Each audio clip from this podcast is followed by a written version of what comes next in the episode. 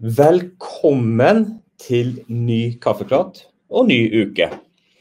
I dag har jeg med meg eh, en ny spennende gjest. Eh, denne gangen er det da altså eh, en mor, som vi har også hatt tidligere, men denne gangen her en mor til to jenter med et eh, en diagnose som ikke jeg kjenner til, eller har kjent til, eh, Dias-Logan syndrom. Eh, Ulrikke Tranberg, velkommen til eh, Kaffepraten. Tusen takk, Aleksander. Du, eh, mulig det er meg, altså, men, eh, men, jeg har ikke vært borti det syndromet som dine to eh, jenter har. Kunne du fortalt litt hva er Dias-Logan syndrom? Dias-Logan syndromet er et syndrom som består av som veldig mange andre syndrom, en pakkeløsning av mye ting. Mm. Um, for mine jenter så har jeg Elena som ikke har språk, uh, og for Konstanse så har hun språk. Og i dette syndromet så er det dårlig språkutvikling som en av knaggene. Mm. Uh, det er autismespekterforstyrrelser, og det er forsinket motorisk utvikling. en del av de hadde lavt føtalt hemoglobinnivå når de ble født, på den, studien som gjorde at de, diagnosen kom. Um, og diagnosen er ganske ny, den kom i 2016. Og Elena og Konstanse fikk diagnosen i 16 eller 17. Men, men når du sier ny, hvordan, hvordan, kan det komme en ny diagnose? Altså, jeg regner med at hun ikke altså, de er, blant, er, det, altså, er, det, blant, de første, eller er det bare at de har klart å sette en diagnose på det? Ikke blant de første, for de første fem-seks var basert på en engelsk forskningsgruppe. Mm. Um, men det er blant de eldste med syndromet. Uh, det fins en del tenåringer til. Uh, det fins noen 18-19-åringer og noen 20-åringer. Så Elena er jo blant den eldste, da, de eldste. Ja. Så det var, det var, en tilfeldighet som gjorde at vi fikk den diagnosen. Uh, vi ba om ny, ny analyse på blodprøvene vi hadde på Haukeland. Og det ble tatt mye av Elena. Og så fikk Elena først diagnosen. Eh, og så gikk eh, genetikeren vår litt vekk fra den fordi de var så ulike. Mm. Eh, og så fikk Konstanse samme diagnose en måned eller to etterpå. Det, ja, det gjør jo ingenting. Det definerer det jo aldri. Det er jo bare et navn på, på tilstand. Så da, altså, om de har et ukjent diagnose eller PU i mellomtiden, så har det aldri definert dem. Nei. Så men det du sier at det på en måte å få diagnose er på en måte eller sette en diagnose på, det er på en måte ikke noe på en måte være eller ikke være i forhold til deres hverdag. Men eh, jeg har jo tenkt å spørre litt mer om det her senere, men jeg, føler liksom, det mer passende her kanskje nå er jo liksom eh, Milla, Vår Milla har jo Downs syndrom. Det er et syndrom på en måte eh, stort sett alle har eh, for, formening om, forhold til eller hørt om. Eh, altså eh, Dias Logan som du sier, er, er såpass relativt nytt. Men, men, før dere fikk på en måte satt den diagnosen, da, hva, hva, hva, hvilken kategori gikk dine døtre under da? Ukjent svært sjelden. Ukjent svært sjelden, sant? Ja, og så har begge psykisk utviklingshemmet-diagnosen under der igjen. Mm. Og Helene har også en barneautismediagnose under der igjen. Um, en del av diagnosene, altså Barneautismediagnosen har vi villet ta på Elena for å kunne få litt mer hjelp til Elena og alt det hun krevde. Eh, så vi har vært litt eh, Kanskje litt søkt, men vi har gjort det for at hun skulle få bedre hjelp i det systemet som er så tungt. Mm. Nettopp. og det, liksom, det, det, er jo, det, er jo, akkurat det der da jeg ville, ville pike litt borti. fordi Jeg har jo, jeg jo snakka med, med, andre foreldre med, med barn med, med, det som kalles ukjent eller sjelden diagnose. Og, og det, med et barn som Milla med, med, med Downs syndrom, så er det på en måte et altså Vi har kamper, vi og ja, men det er på en måte en diagnose som følger en del rettigheter, en del opplegg, en del mm. eh, forskning på et til hva som funker, hva som ikke funker. Men, men, når du da på en måte står i en situasjon deres og ikke har en diagnose eh, eller ukjent, eh, hva, hva, vil det i realiteten si i forhold til hva dere opplever i hverdagen da når dere står og trenger hjelp? Altså Da tror jeg kanskje det var den PU-diagnosen som utløste ganske mye. Mm. Eh, og for oss er det jo det å ha hatt gode, gode folk rundt som har trodd på oss og trodd på skal si det, trodd på både trodd på diagnosen de setter, men òg vært der. Mm. Eh, så kanskje diagnosen har vært litt baki der, men det kommer an på behovet. Og det er jo det som vi har beskrevet. Mm. Jeg regner med at det har ikke vært en enkel, eh, enkel hverdag. Altså det ene er å ha ett barn med, med, med psykisk utviklingshemming, men du har jo to jenter. Du har hatt det nå, de er, de er tenåringer begge to, sant? Ja, Konstanse fyller 16 på søndag, og Elena fyller 18 om en måned. Altså, du, du, sitter jo med 18 års erfaring da, Ulrikke. ikke sant? Altså, det... det var på baken på godt og vondt. Ja. Hva, hvordan, hvordan, hvordan, hvordan, er det å være mamma og familie når dere på en måte har to barn som trenger litt ekstra? Jeg vil jo kanskje si at altså den kampen vi hadde mot Bergen kommune, som vi føler virkelig var mot Bergen kommune fra 2009 til 2012, var det verste.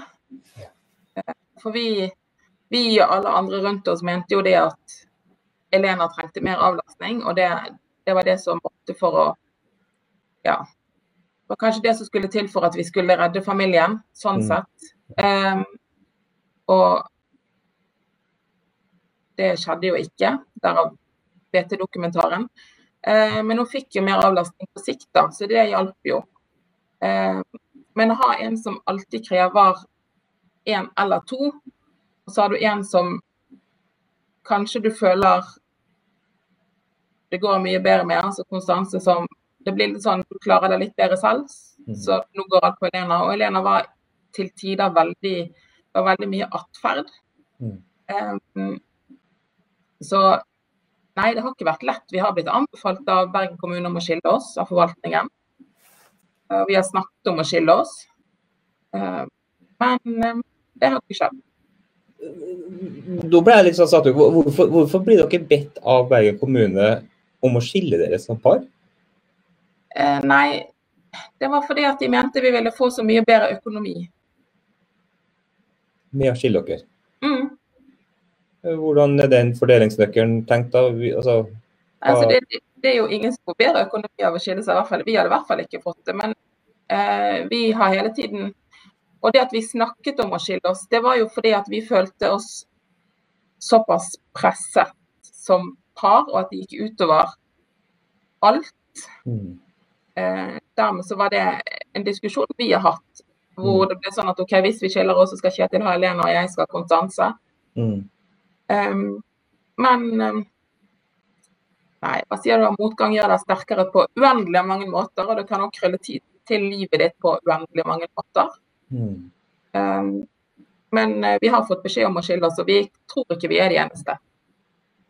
Jeg blir jo litt rysta, uh, egentlig, da, fordi det er jo ikke altså I min verden så blir jo det på en måte bakvendtland at, at kalle da virkemiddelapparatet eller statsapparatet på en måte kommer med en anbefaling om skilsmisse, framfor å stille spørsmålet hva kan vi gjøre. Nå vet jeg ikke alt de har gjort, det vi eventuelt ikke gjort, men altså, i, i, min verden så høres det ut som at de prøver i hvert fall å, å, å, å gjøre tilværelsen enklere for det som familie. Det er jo det som det er, det som er kalles statens oppgave her i den situasjonen.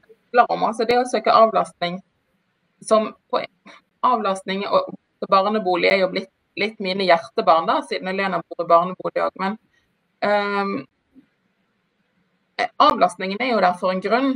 Eh, avlastningen er der for at du som familie eller dere som familie skal få hjelp. Om, og hvordan avlastningen kommer, er jo knekkende likegyldig. Om det er familie, privat eller altså avlastningsbolig eller BPA, så må du gjøre det som funker for deg. Mm. Eh, en tenker at kommunen har en lang vei å gå i forhold til både saksbehandling og se hele behovet. For behovet går jo ikke utover bare Det er jo ikke bare barnet som har behov, det er jo kanskje søsken som har behov. Og det er jo, avlastningen er jo til for hele familien. Mm. Ja, det er jo akkurat det. Og, og, den debatten kjenner jeg jo igjen selv også. Eh, selvfølgelig ikke i, i ditt perspektiv, Lykke, men, men altså, den, der, den, den der debatten og den der, der når du sitter der og tenker avlastning, ja, men hva, hva, er avlastning? Hvem er avlastning for? Og det er jo som du sier, det, det, er jo avlastning til familien rundt uh, i vel så stor grad. Uh, fordi du trenger det, fordi det er såpass krevende å stå oppi det i hverdagen, ikke det? Mm. Altså, som jeg sa, det var jo ikke ja, Det var jo ikke de letteste årene. Uh, og når vi da kom til 2000 og Elena fikk mer avlastning på nyåret 2013. Når vi da var kommet til november tror jeg, 14, så skulle jeg gjøre alt veldig riktig og søke mer økt avlastning før vi tenkte barnebolig. Mm.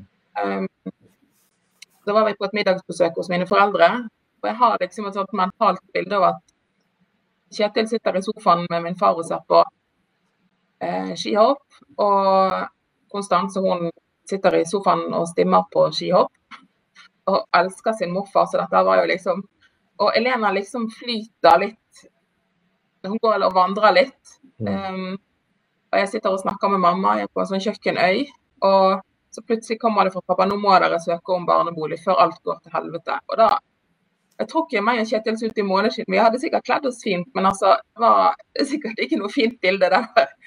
Eh, og da brukte jeg to minutter på bare OK, greit, dette må vi. Ut i gangen, sende melding til hele ansvarsgruppen og alle de som eh, har vært med oss hele veien. Mm. Eh, og endret den søknaden til barnebolig. Og så kom det vedtaket på nyåret 2015, og så var det ja, det selvfølgelig skal dere det. Og jeg mm. tenkte her slapp vi å krangle. Mm. Og vi var så forberedt på å kjempe. Mm. Eh, og var liksom klar til at nå skal vi bruke BT til å kjempe og få hjelp. Liksom. Og det handler jo for oss om å bruke BT, det handler jo det om å bruke BT. Det handler jo om å fortelle våre historier, men også hjelpe de som kommer bak. Mm. Eh, for det kommer ekstremt mange bak etter oss som også skal ha barnebolig, og hvor enn i landet det blir. Mm. Um, så det ble en litt sånn Oi, shit, hva gjør vi? Ja, OK. Og så reiste vi på et opphold på Frambu eh, med Konstanse. Og da kunne vi liksom fortelle våre flotte fagpersoner der som vi har kjent i mange år, at nå skulle Lena flytte i barnebolig. Eh, og det var egentlig greit at det kom som en sånn pang. Eh, for vi slapp å tenke. Mm.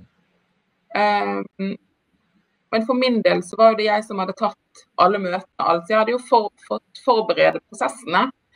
Ehm, mens for Kjetil, som har Elena som aller største pappagull, så, mm. så var det ekstremt hardt for han.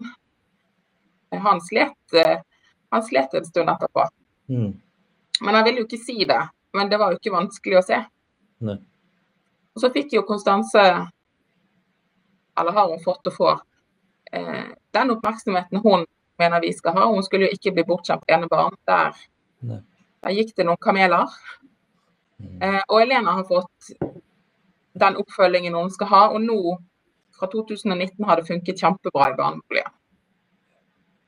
Men før det så, eh, så var ting veldig Veldig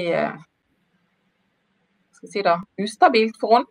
Hun hadde ekstremt mange personer og ansatte som gikk inn og ut. Hun hadde ikke noe fast. Hun hadde faste, men ble et, egentlig et veldig dårlig miljø for henne.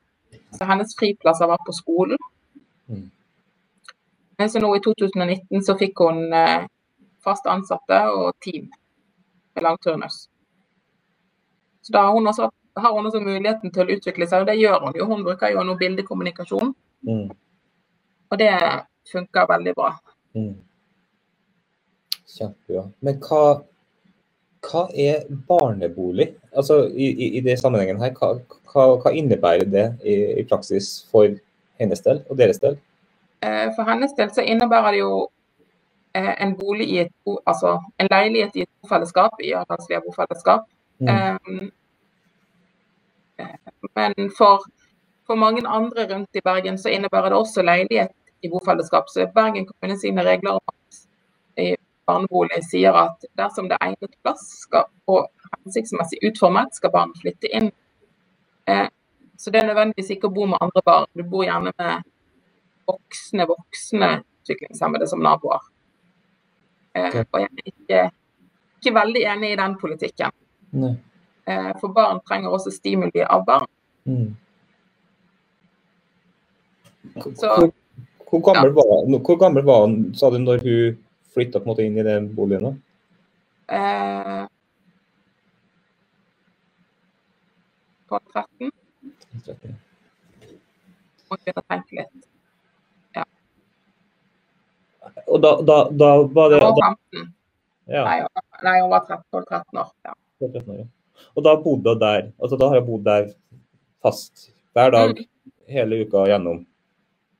Jeg skjønner jo dette her er jo, det må jo være beintøft, som du sier. Altså, kanskje da også for, for Kjetil, som du sier, altså for din mann. Også, og, og, for deg, da. Men altså for, altså tenk for, det, for de som på side hører det her. Se, og, og, se for seg og på en måte skal si at ditt barn For det er barn 12-13 år, selv om ungdom, da, men altså 12-13 år er en barn ungdom. Og skal si at nå skal hun, han, bo alene uh, i egen leilighet, selvfølgelig med folk rundt seg, og, og dere er jo der når dere kan være der. Men det er jo veldig spesielt og det er jo veldig sårt og veldig tøft. Men selvfølgelig tenker jeg også veldig fint for ja. dere at det, det, det, det, er bra for alle, kanskje. Og så tenker jeg også at temaet kanskje er litt tabu. Ja. Det er jo tabu å gi fra seg omsorgen for sine egne barn.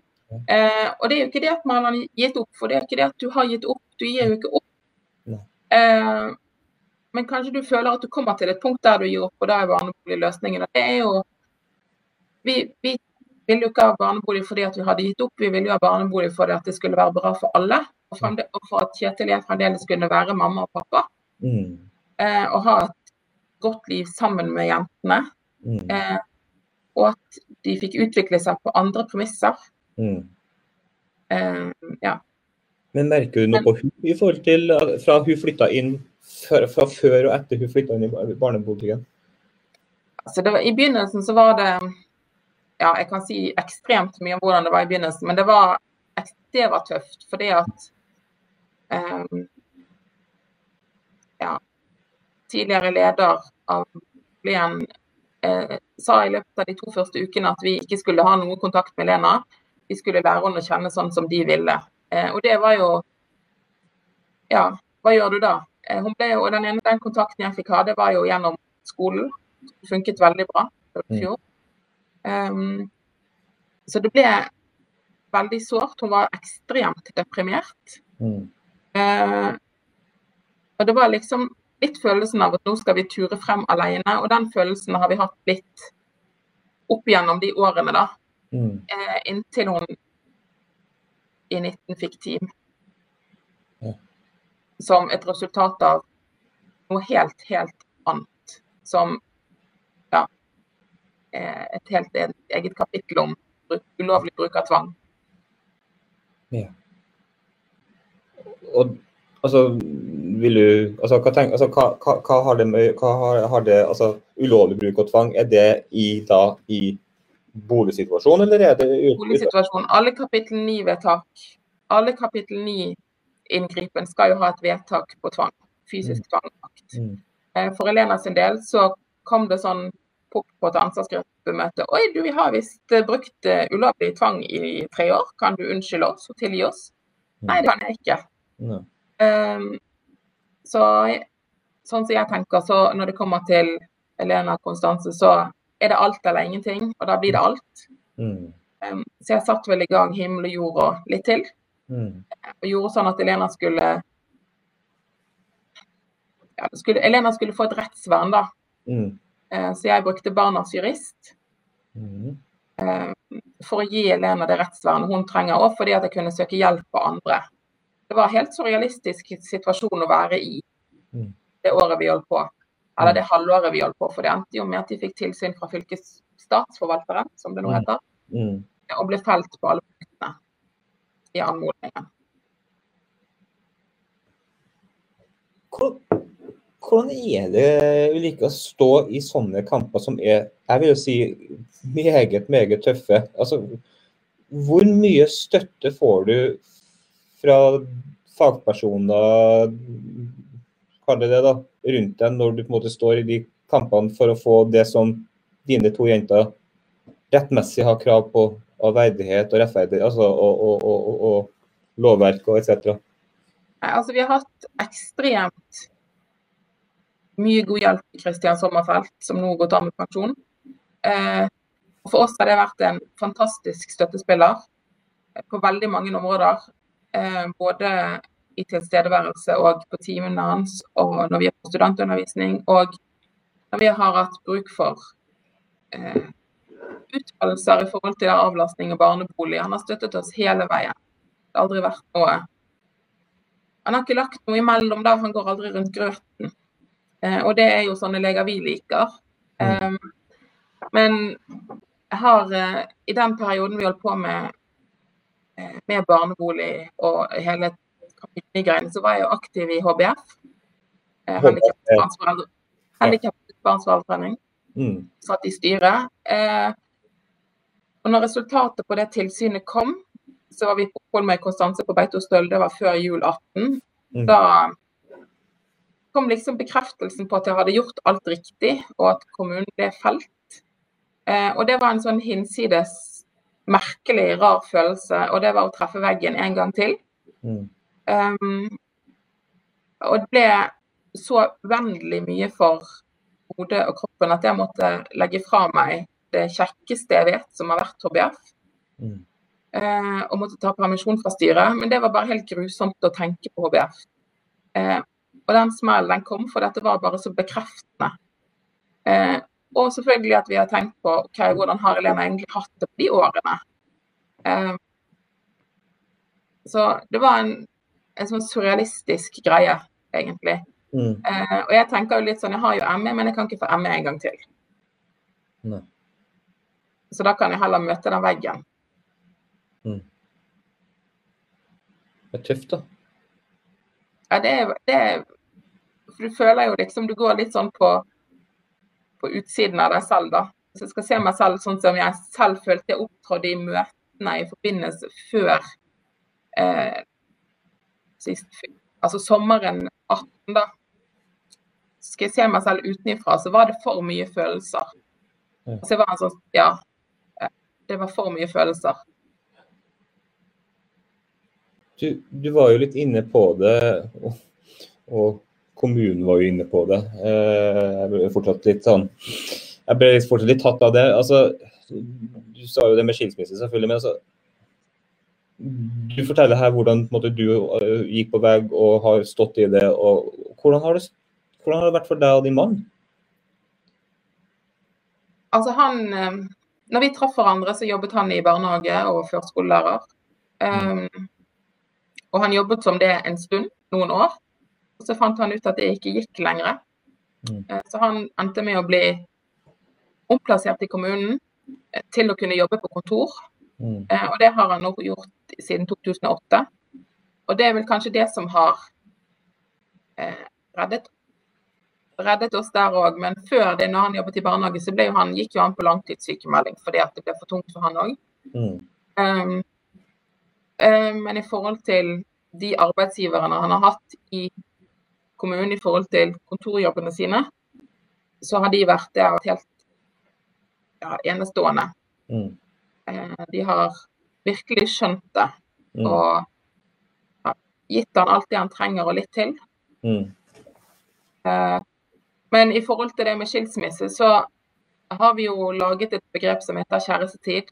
Mm. Eh, det, det, begynte vi med så, i 2007, og da tenkte vi det at det spiller ingen rolle hva du gjør. Det mm. spiller ingen rolle hvor du reiser.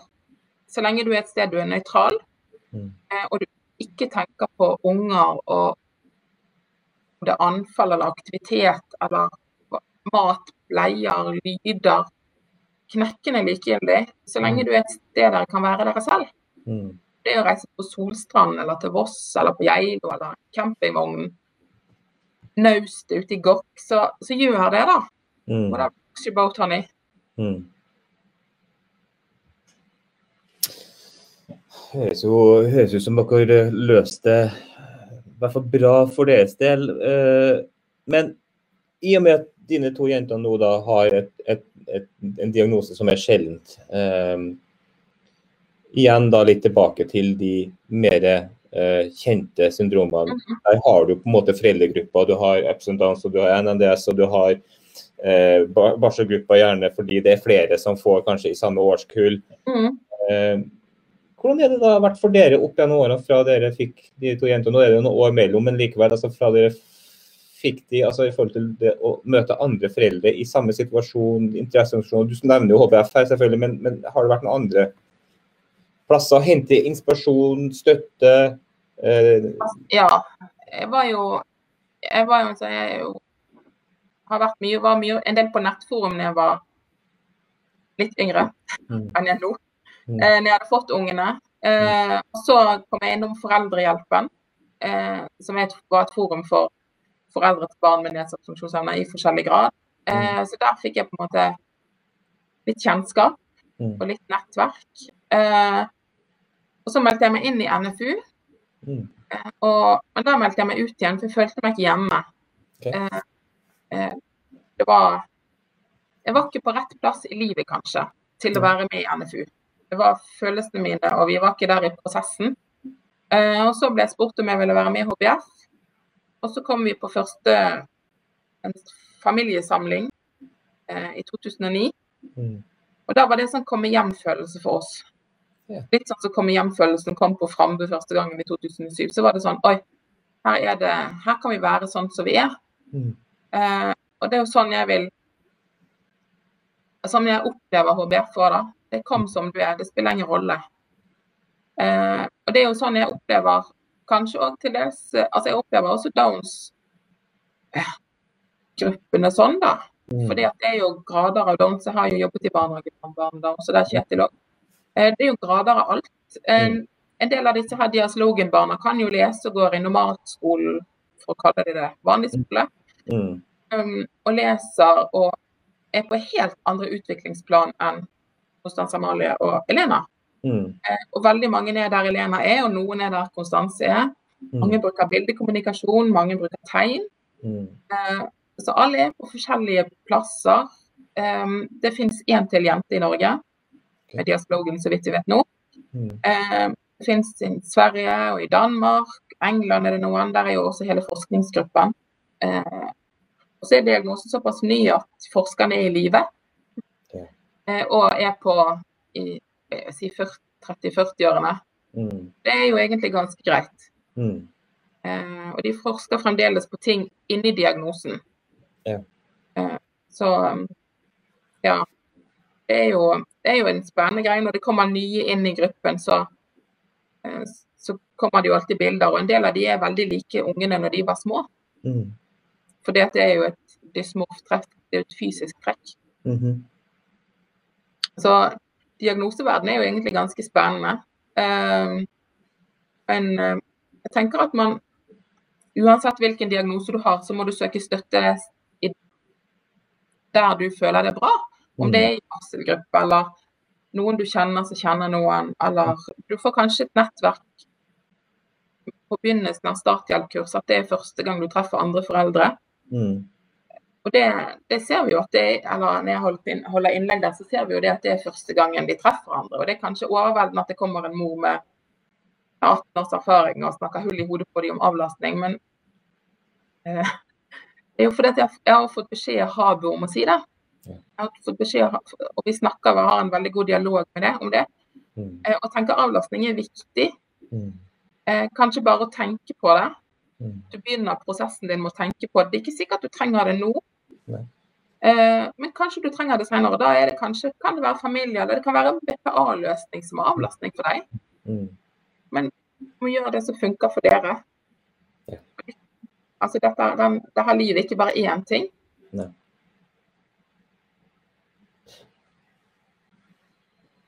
det, altså, jeg var ikke klar over at du har vært i styret i HBF, eh, Ulrikke. Men eh, hva, hva, vil du si er det du på en måte hva, hva, hva fikk du mest ut av å måte, være så tett på andre og i et styre? For jeg Da sitter dere tett på ganske mye forskning, mm. andre familier med forskjellige eh, funksjonsnedsettelser. Altså, hva, hva, hva, føler du erfaringsmessig på, på, godt og vondt så du der ute etter å sitte så tett på i et styreposisjon? Altså satt, jeg har, satt i, har sittet i hovedstyret òg, eh, ja. og sittet i eh, sentralt i mange mm. år. Um, og tenker at eh, jeg skjønner jo hvorfor foreldre blir desperat til å shoppe både bydeler og eh, kommuner og landsdeler, fordi at det er så store forskjeller. Mm. Um, når vi flyttet til hvor vi i Loddefjord tilhører samme forvaltningssett som vi gjorde når vi bodde i Fyllingsdalen, så var det jo der vi var når vi ble anbefalt å være skilt. Eh, men når du vet ting om saksbehandleren din som ikke egner seg på trykk, mm. eh, som vi kan sende en melding på etterpå, så mm. eh, så tenker man jo sitt, da. Så tenker du hvorfor valgte vi å flytte her når du vet at kanskje det er bedre i sone sør? Mm. Eh, og så tenker de i sone sør ja, men det er jo ikke bra her, kanskje vi skal flytte til sone nord? Altså, ja. Eh, og samme tror jeg sånn, blir litt sånn landsdelsgreier. Eh, og at du shopper kommuner. Vi, var jo, vi undersøkte jo mulighet til å flytte til Oslo. Mm. Eh, fordi at situasjonen vår var så krevende da, og livet vårt var så krevende da. Mm. Eh, så kom min far igjen og sa nå får beina ned på jorden, da. Altså, mm. Da mister jo dere nettverket. Og da hadde vi jo mine foreldre som eh, Og de de er et veldig godt nettverk, selv om de ikke bor i Bergen nå. Men når de bodde i Bergen, så det, hadde de ungene mye. De var barnevakt, passet de. Mm. Når Elena gikk i barnehagen, så var det hva trenger Elena? Skal Elena egentlig ha noen spesialpedagogtimer denne uken? Hvis ikke skal vi ha henne hele uken. Altså, mm. da uvurderlig hjelp og støtte. Det har jo svigers vært òg. Mm. Um, og er det enda. Uh, selvfølgelig så merker du at foreldrene dine er litt, går litt opp i årene, men det at vi nå kan reise på Geilo til mine foreldre og, og stå på sitski med mine foreldre, altså Konstanse i sitski eller vi kjører i bakken med mine foreldre òg. Det er kjempegøy. Mm. Det er jo de ideelle opplevelsene vi vil ha. Mm. Det er jo minnene vi vil ha. At mm. Konstanse Amalie skal huske de gode minnene. Mm. Det er jo um, litt tilbake igjen til den derre organisasjonslivet du har på en måte bedrevet, er jo blir fascinert over at du faktisk klarer å finne energi til å jobbe da, eh, med, med, med den type eh, engasjement i tillegg. Eh, men du sier jo det her med Forskjells-Norge i forhold til hvor du bor. og Det her har jeg jo diskutert i, i tidligere kaffeprater med, med, andre, både forskere og, og, og, og andre. og tilbakemeldinga er jo ofte det at det er, det er, kanskje ikke forskjellen på hvor du bor, men hvem du møter der du bor. Da. Altså det er mennesker bak. Eh, jeg tenker jo litt sånn at det er nok ikke bare så enkelt å si det. Ja, jeg tror du kan møte gode mennesker i dårlige kommuner og dårlige mennesker i gode kommuner. Men mm. jeg velger jo ut ifra den erfaringa jeg også har gjort, sånn som du har gjort, altså at det er enkelte kommuner som er Og det sa nok Gitte litt også, altså at det er noen kommuner som er mer historikk på, for på seg på å kalle være gnitende på menneskeverdet, som jeg kaller det. ikke sant? Også, ja. ja. Uh, det der er jo, er jo ikke noe nytt. Det her snakkes jo om gangene, kaller det da, eller forumene. Hvor enn du går, hvor, hvilke, uansett hvilken diagnose ditt barn har og hvilket forum du er med, så er det jo de samme historiene som du hører fra foreldre og fagfolk rundt omkring. Altså det er jo, jeg tenker For nye foreldre så kan jo de fagpersonene være med eh, Hvis du er helt ny i prosessen din, da, og, mm. eh, og du treffer f.eks. enten en lege eller en sosionom eller en feil sykepleier, en, en, lege med dårlig dag, da. Eller du skal ringe til kommunen og be, be om avlastning, for det har du nettopp funnet ut at du kan. Og så mm. møter du på en måte en vegg når du er på ditt mest sårbare. Da kan jeg skjønne at foreldre gir opp. Um, men sånn som jeg, jeg, jeg skrev jo til at jeg, eh, og det er jeg veldig ærlig på, at når jeg fikk Elena da jeg var 23, mm. um, så var vi vel kanskje veldig mye inne i boblen vår. Mm. Uh, og eide situasjonen vår. Mm. Så når noen sa at Elena var forsinket i utvikling, så ble vi veldig sårt på det. Mm. Eh, og når vi da først begynte å tenke over det her selv, da var hun jo ni måneder. Eh, og da, må, da, var liksom min første kamp det var blitt et helsesøster, og det gikk jo ikke. fordi at sjefen skulle jo ha et rom i lag. Og hun helsesøsteren jeg hadde, hun gikk jo med pensjon en uke etterpå. Mm. Så takk for det. Det var fint. Akkurat i tide. Mm. Ikke et minutt for seint. Eh, og så fikk jeg ny helsesøster, og så ble liksom begynte ballet å rulle. Eh, og da var jeg 24 når Irena kom til Sommerfelt første gang. Det var også en sånn absurd opplevelse. Eh, hvor følelsen er veldig ute på kroppen. Mm. Um, ble, han, men han hadde lagt et løp for oss. Vi ble fotfølt i to dager på barneklinikk, gamle barneklinikken. Eh, I alle ganger og gud hvor vi var. og hun var på EG, og hun tok MR. Og, og siste del av denne bolken på dag to, så hadde han samlet, samlet ja, sikkert medisinstudenter og en sosionom, og alt var samlet inne på et lite, lite møte. Mm. Så sier han her er alle til for dere. Mm. Her kan du si hva du vil. Her kan mm. du spørre om hva du vil. Eh, og da var jeg såpass full av følelser at jeg ikke klarte å si noe. Så jeg mm. begynte bare å grine. Og så ga han meg mobilnummeret sitt og sier han ring meg anytime. Jeg har nattevakt i natt, ring meg isteden. Uansett hva du kommer på. Eh, og det er liksom litt av det bildet vi har beholdt. Um, så har vi vært oppe i andre leger i mellomtiden som ikke har gjort noe godt for oss. Og så har vi kommet tilbake til Sommerfelt, og så har han husket oss. Mm. Um, og det er det jeg tenker at fagpersoner kan bli veldig anerkjennende. Mm. Og det er kanskje det fagpersoner må bli. Mm. Um, for nye foreldre å huske og anerkjenne foreldrene for den de er, familien for den de er. Ikke bare situasjonen rundt og hva du trenger. Uh, for det å, å, bli anerkjent for den du er, er veldig viktig. Mm. Uh, vi har den anerkjennelsen nå når vi kommer opp på Beitostøl på Ja. Ja. Uh, nå skal vi på vårt femte opphold til høsten. Mm. Og, sånn, så, og det er et veldig anerkjennende sted. Vi kjenner veldig mange nå. Mm. Har kontakt med veldig mange. Um, og det er for oss et fantastisk sted. Mm. Uh, men når Konstanse sier en morgen og går ute på lekeplassen og sier 'hei, hva heter du?' så sier da administrerende direktør Astrid 'hei, god morgen, Konstanse Amalie, du vet jo at det er meg'. Mm. Så blir det et veldig bra sted. Og da er du anerkjent. Da er du aldri noen i mengden. Da er du noen. Eh, og det syns jeg er viktig, at du aldri skal være noen i mengden. Du skal være noen. Helt, eh, helt enig, Ulrikke. Eh, personlig så hadde jo vi Milla faktisk tre uker på Beitostølen nå. Hun kom hjem med 18. mai. Sant? Og, og, jeg var jo ikke der. Eh, det var min kone som var der. Eh, og det, var, det er jo akkurat det samme hun, som hun beit seg mest merke til i, fra dag én hun var en del av eh, gjengen, en del av mengden. Hun stakk seg ikke ut. altså det var et, et fristed med kompetanse og varme, da, som er mm. Forsto det. Og med aktiviteter fra morgen til kveld, og, og, smil og glede. Og lov til å ha sine ulikheter med noen som hyler for eh, rare ting, og noen som ikke orka lyder, og noen som bare var blide. Og, eh, og det der trenger vi, tenker jeg både vi og våre barn. Ja, altså vi trenger, eh, vi trenger opplevelsen, og vi trenger eh, å treffe andre foreldre, selvfølgelig. Uansett hvilken grad det er, og hvilken måte du gjør det på. Mm. Eh, men du trenger òg denne anerkjennelsen av stedet, som sagt. Eh, og kjenne på at oi, her er det å være hjemme, her er det godt. Mm.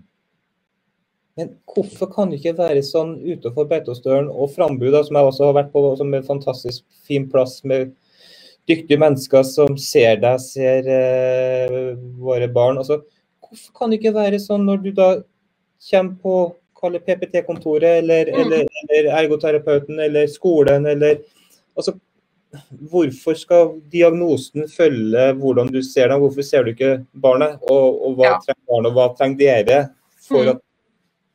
at ting skal flyte? Ja, altså Det er vel en av de tingene Sommerfelt har sagt til oss. da. Hva trenger dere i livet for at tingene skal funke? Mm. Eh, og han har, han har, sagt til meg det at én ting han angrer på, det er det at han ikke sa at det kunne være gjentagelse hvis jeg ble gravid igjen. Ja. Eh, og, den, og da var jeg Ja, da hadde jeg jo ikke sommerfelt da. Vi byttet en lege imellom der. Mm.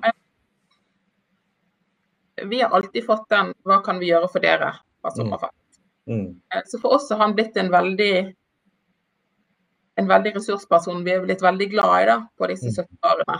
Mm. Så ja.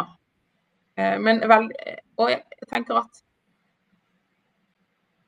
fag, sånn som jeg sa, fagpersoner, det er Habu eller PPT eller BUP, og så spør hva trenger dere for at verden deres skal gå rundt? Mm. Eh, og ikke bare ha fokuset på at diagnosen er noe. Diagnosen er jo noe, men da skal jo aldri definere noen. Nei. Det skal jo aldri si noen ting om hvem personen er. Personen er personen. Mm. Altså Konstant Somali er såpass bra Brann-supporter at hun har valgt gul ramme på rullestolen. Det er mm. ikke Lillestrøm gul, og det er, det er ikke Bodø-Glimt gul. Det er en blanding mellom Glimt og Start. Så jeg vet ikke hvilken fotballklubb vi får der. Um, men hun er, uh, hun er på fra morgen til kveld og vårt sosiale alibi. Mm. Uh, så hvis du plutselig blir spurt om hei, hva heter du og hvor skal du i byen, så er det mest sannsynlig Konstanse. Mm. Um, utrolig dårlig sjekketrikk, sikkert. Men hun er jo alltid lykkelig. Og mm. Elena som ikke har språk som bare synger, hun synger helt, helt rent. Mm. Eh, og de to som har en unik kommunikasjon sammen. Mm. Eh, og Elena som kommuniserer med, med mormor og morfar på en fantastisk måte. Eh, mm. har en, Elena har én sang hun ikke kan synge, og det er 'Grevling i taket'. Mm -hmm. Det blir bare sånne lyder, som krafselyder høres det ut som. Men hvis vi synger den, og, og de synger den og vi har Bluetoothen på i bilen og ringer til mormor, og i en tunnel, mm. så ikke tvil på at politiet stopper oss i 70 fordi at bilen beveger seg. Så det at livet består jo av og hverdagen består jo av utrolig mye rart. Det har Gud så mye rart jeg har lært meg. Um, men litt tilbake til det å være 24 og ikke føle seg ressurssterk, så er jeg jo blitt det.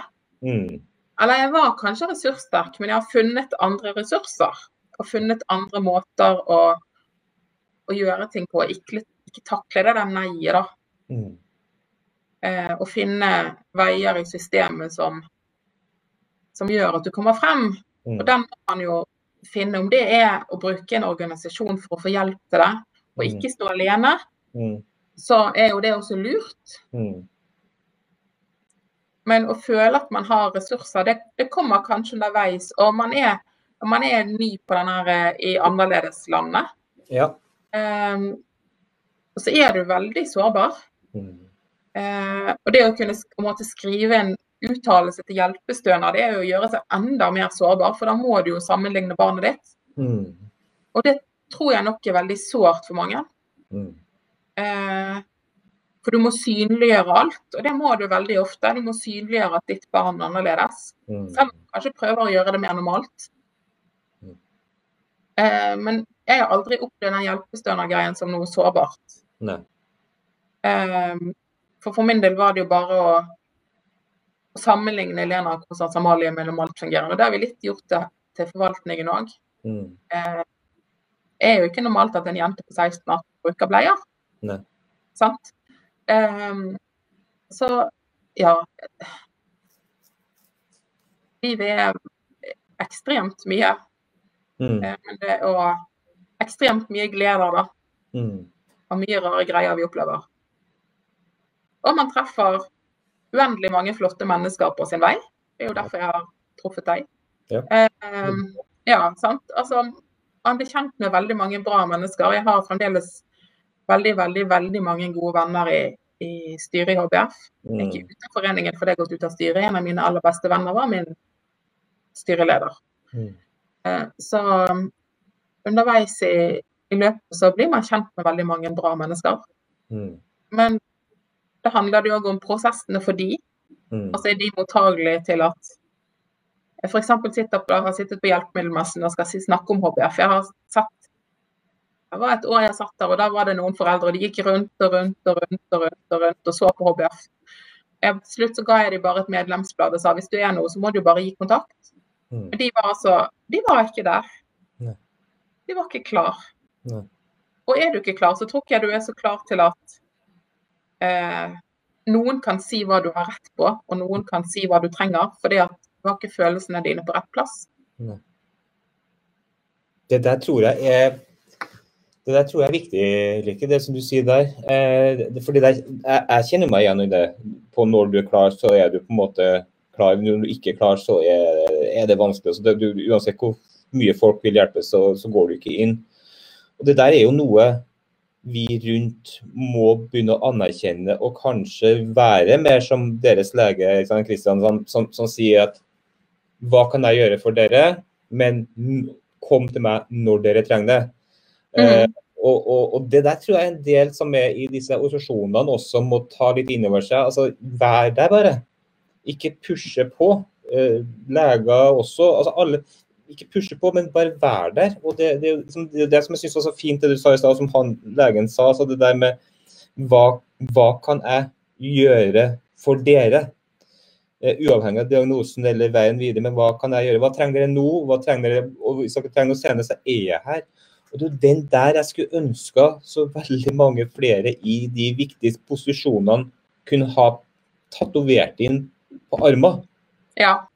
Sånn at når det møter en ny familie, så er det autopiloten som slår inn og sier hva kan jeg gjøre for dere? Og hvis det ikke er nå, vit at jeg er her nesten natt og dag. Skjønner du? Ja. Altså jeg, har, jeg, kjører, jeg, kjører, jo den jeg holder innlegg på starthjelpkurset. Mm. Eh, og det har jeg gjort i jeg tror det er siden 2013. Mm. Eh, og da når jeg leverer fra meg mitt visittkort, eller mm. visittkortet til foreningen, så det, står det mitt navn og min, mitt telefonnummer på. Mm.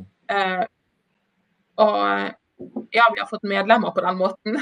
Ja. Det er én ting. Men en annen ting er jo det at jeg har lyst til å være sånn som jeg har vært likepersonsansvarlig òg, da. Så det ja. er jo Jeg tenker at vi er jo alle likepersoner i denne verden her, da.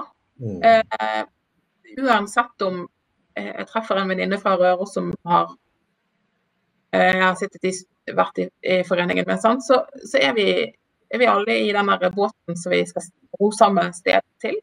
Mm. Eh, om noen drar på forskjellige steder, så ser det for deg at det er en cruisebåt, men mm. alle går av i forskjellige havner. Mm.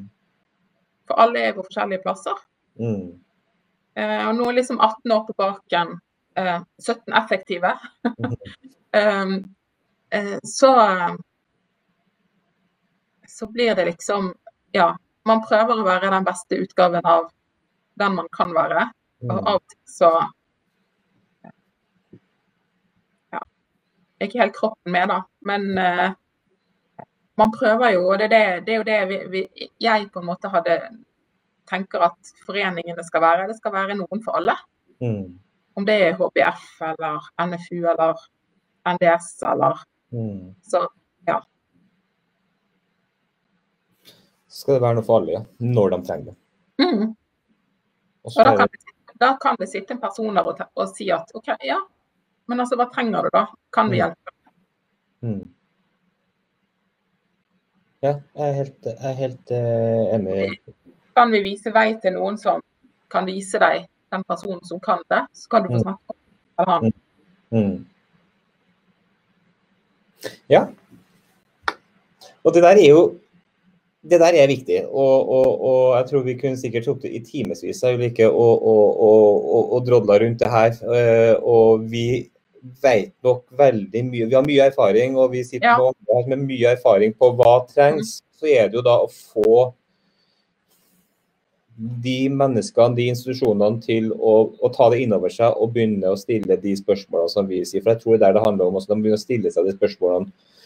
Ikke se på For det tror jeg veldig mange. Og, det, og sikkert rettmessig litt i forhold til når de har møtt oss foreldre, i hvilken fase i livet de har møtt oss, så blir du kanskje litt forinntatt i forhold til åh, der er de igjen. åh, nå maser de igjen. Nå er de sinte.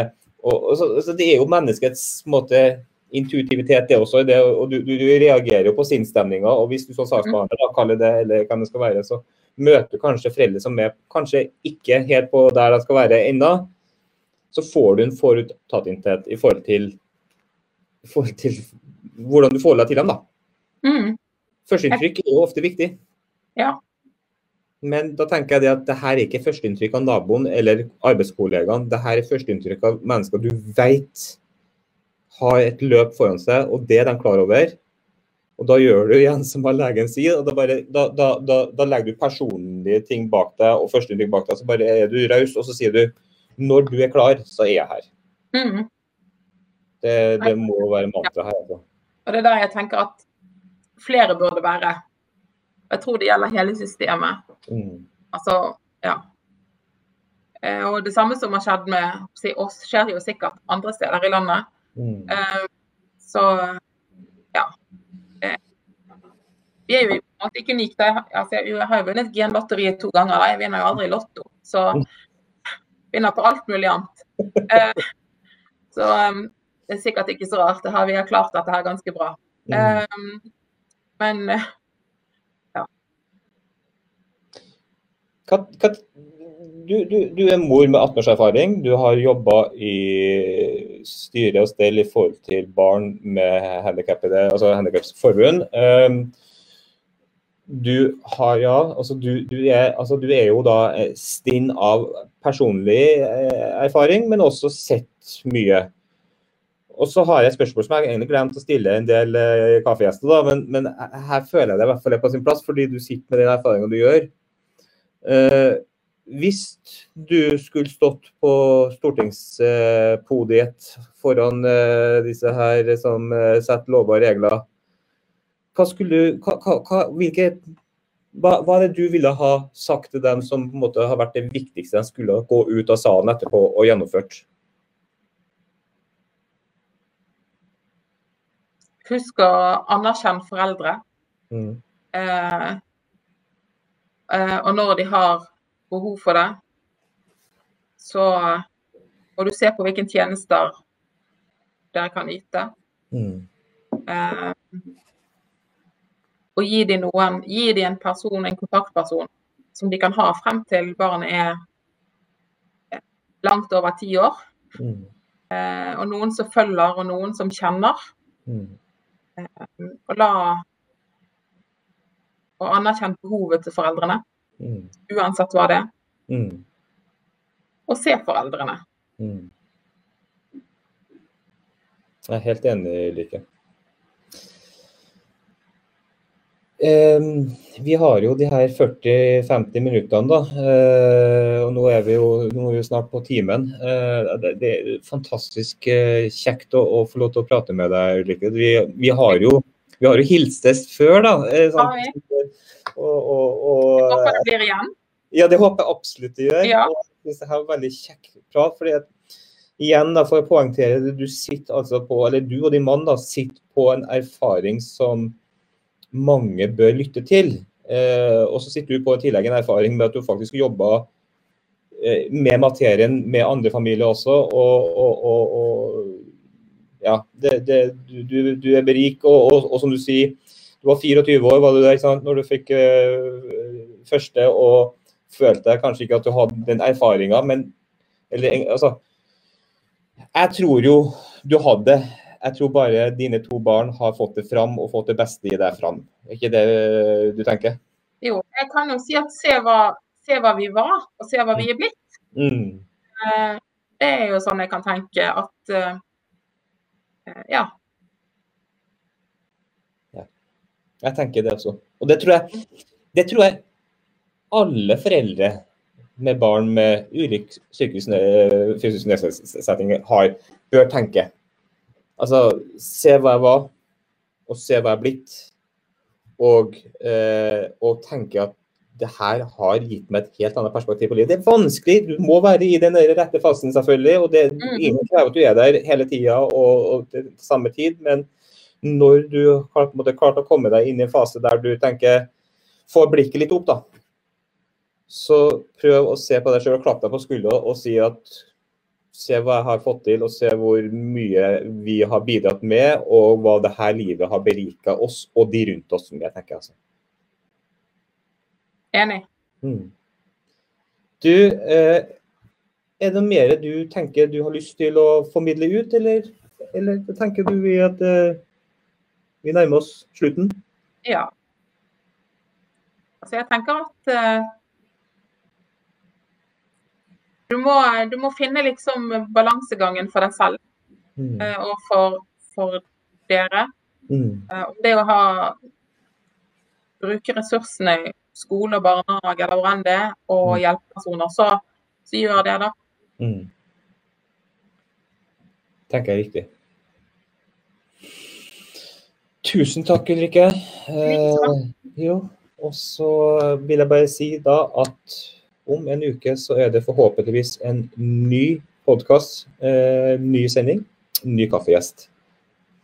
Ha en fortsatt fin dag.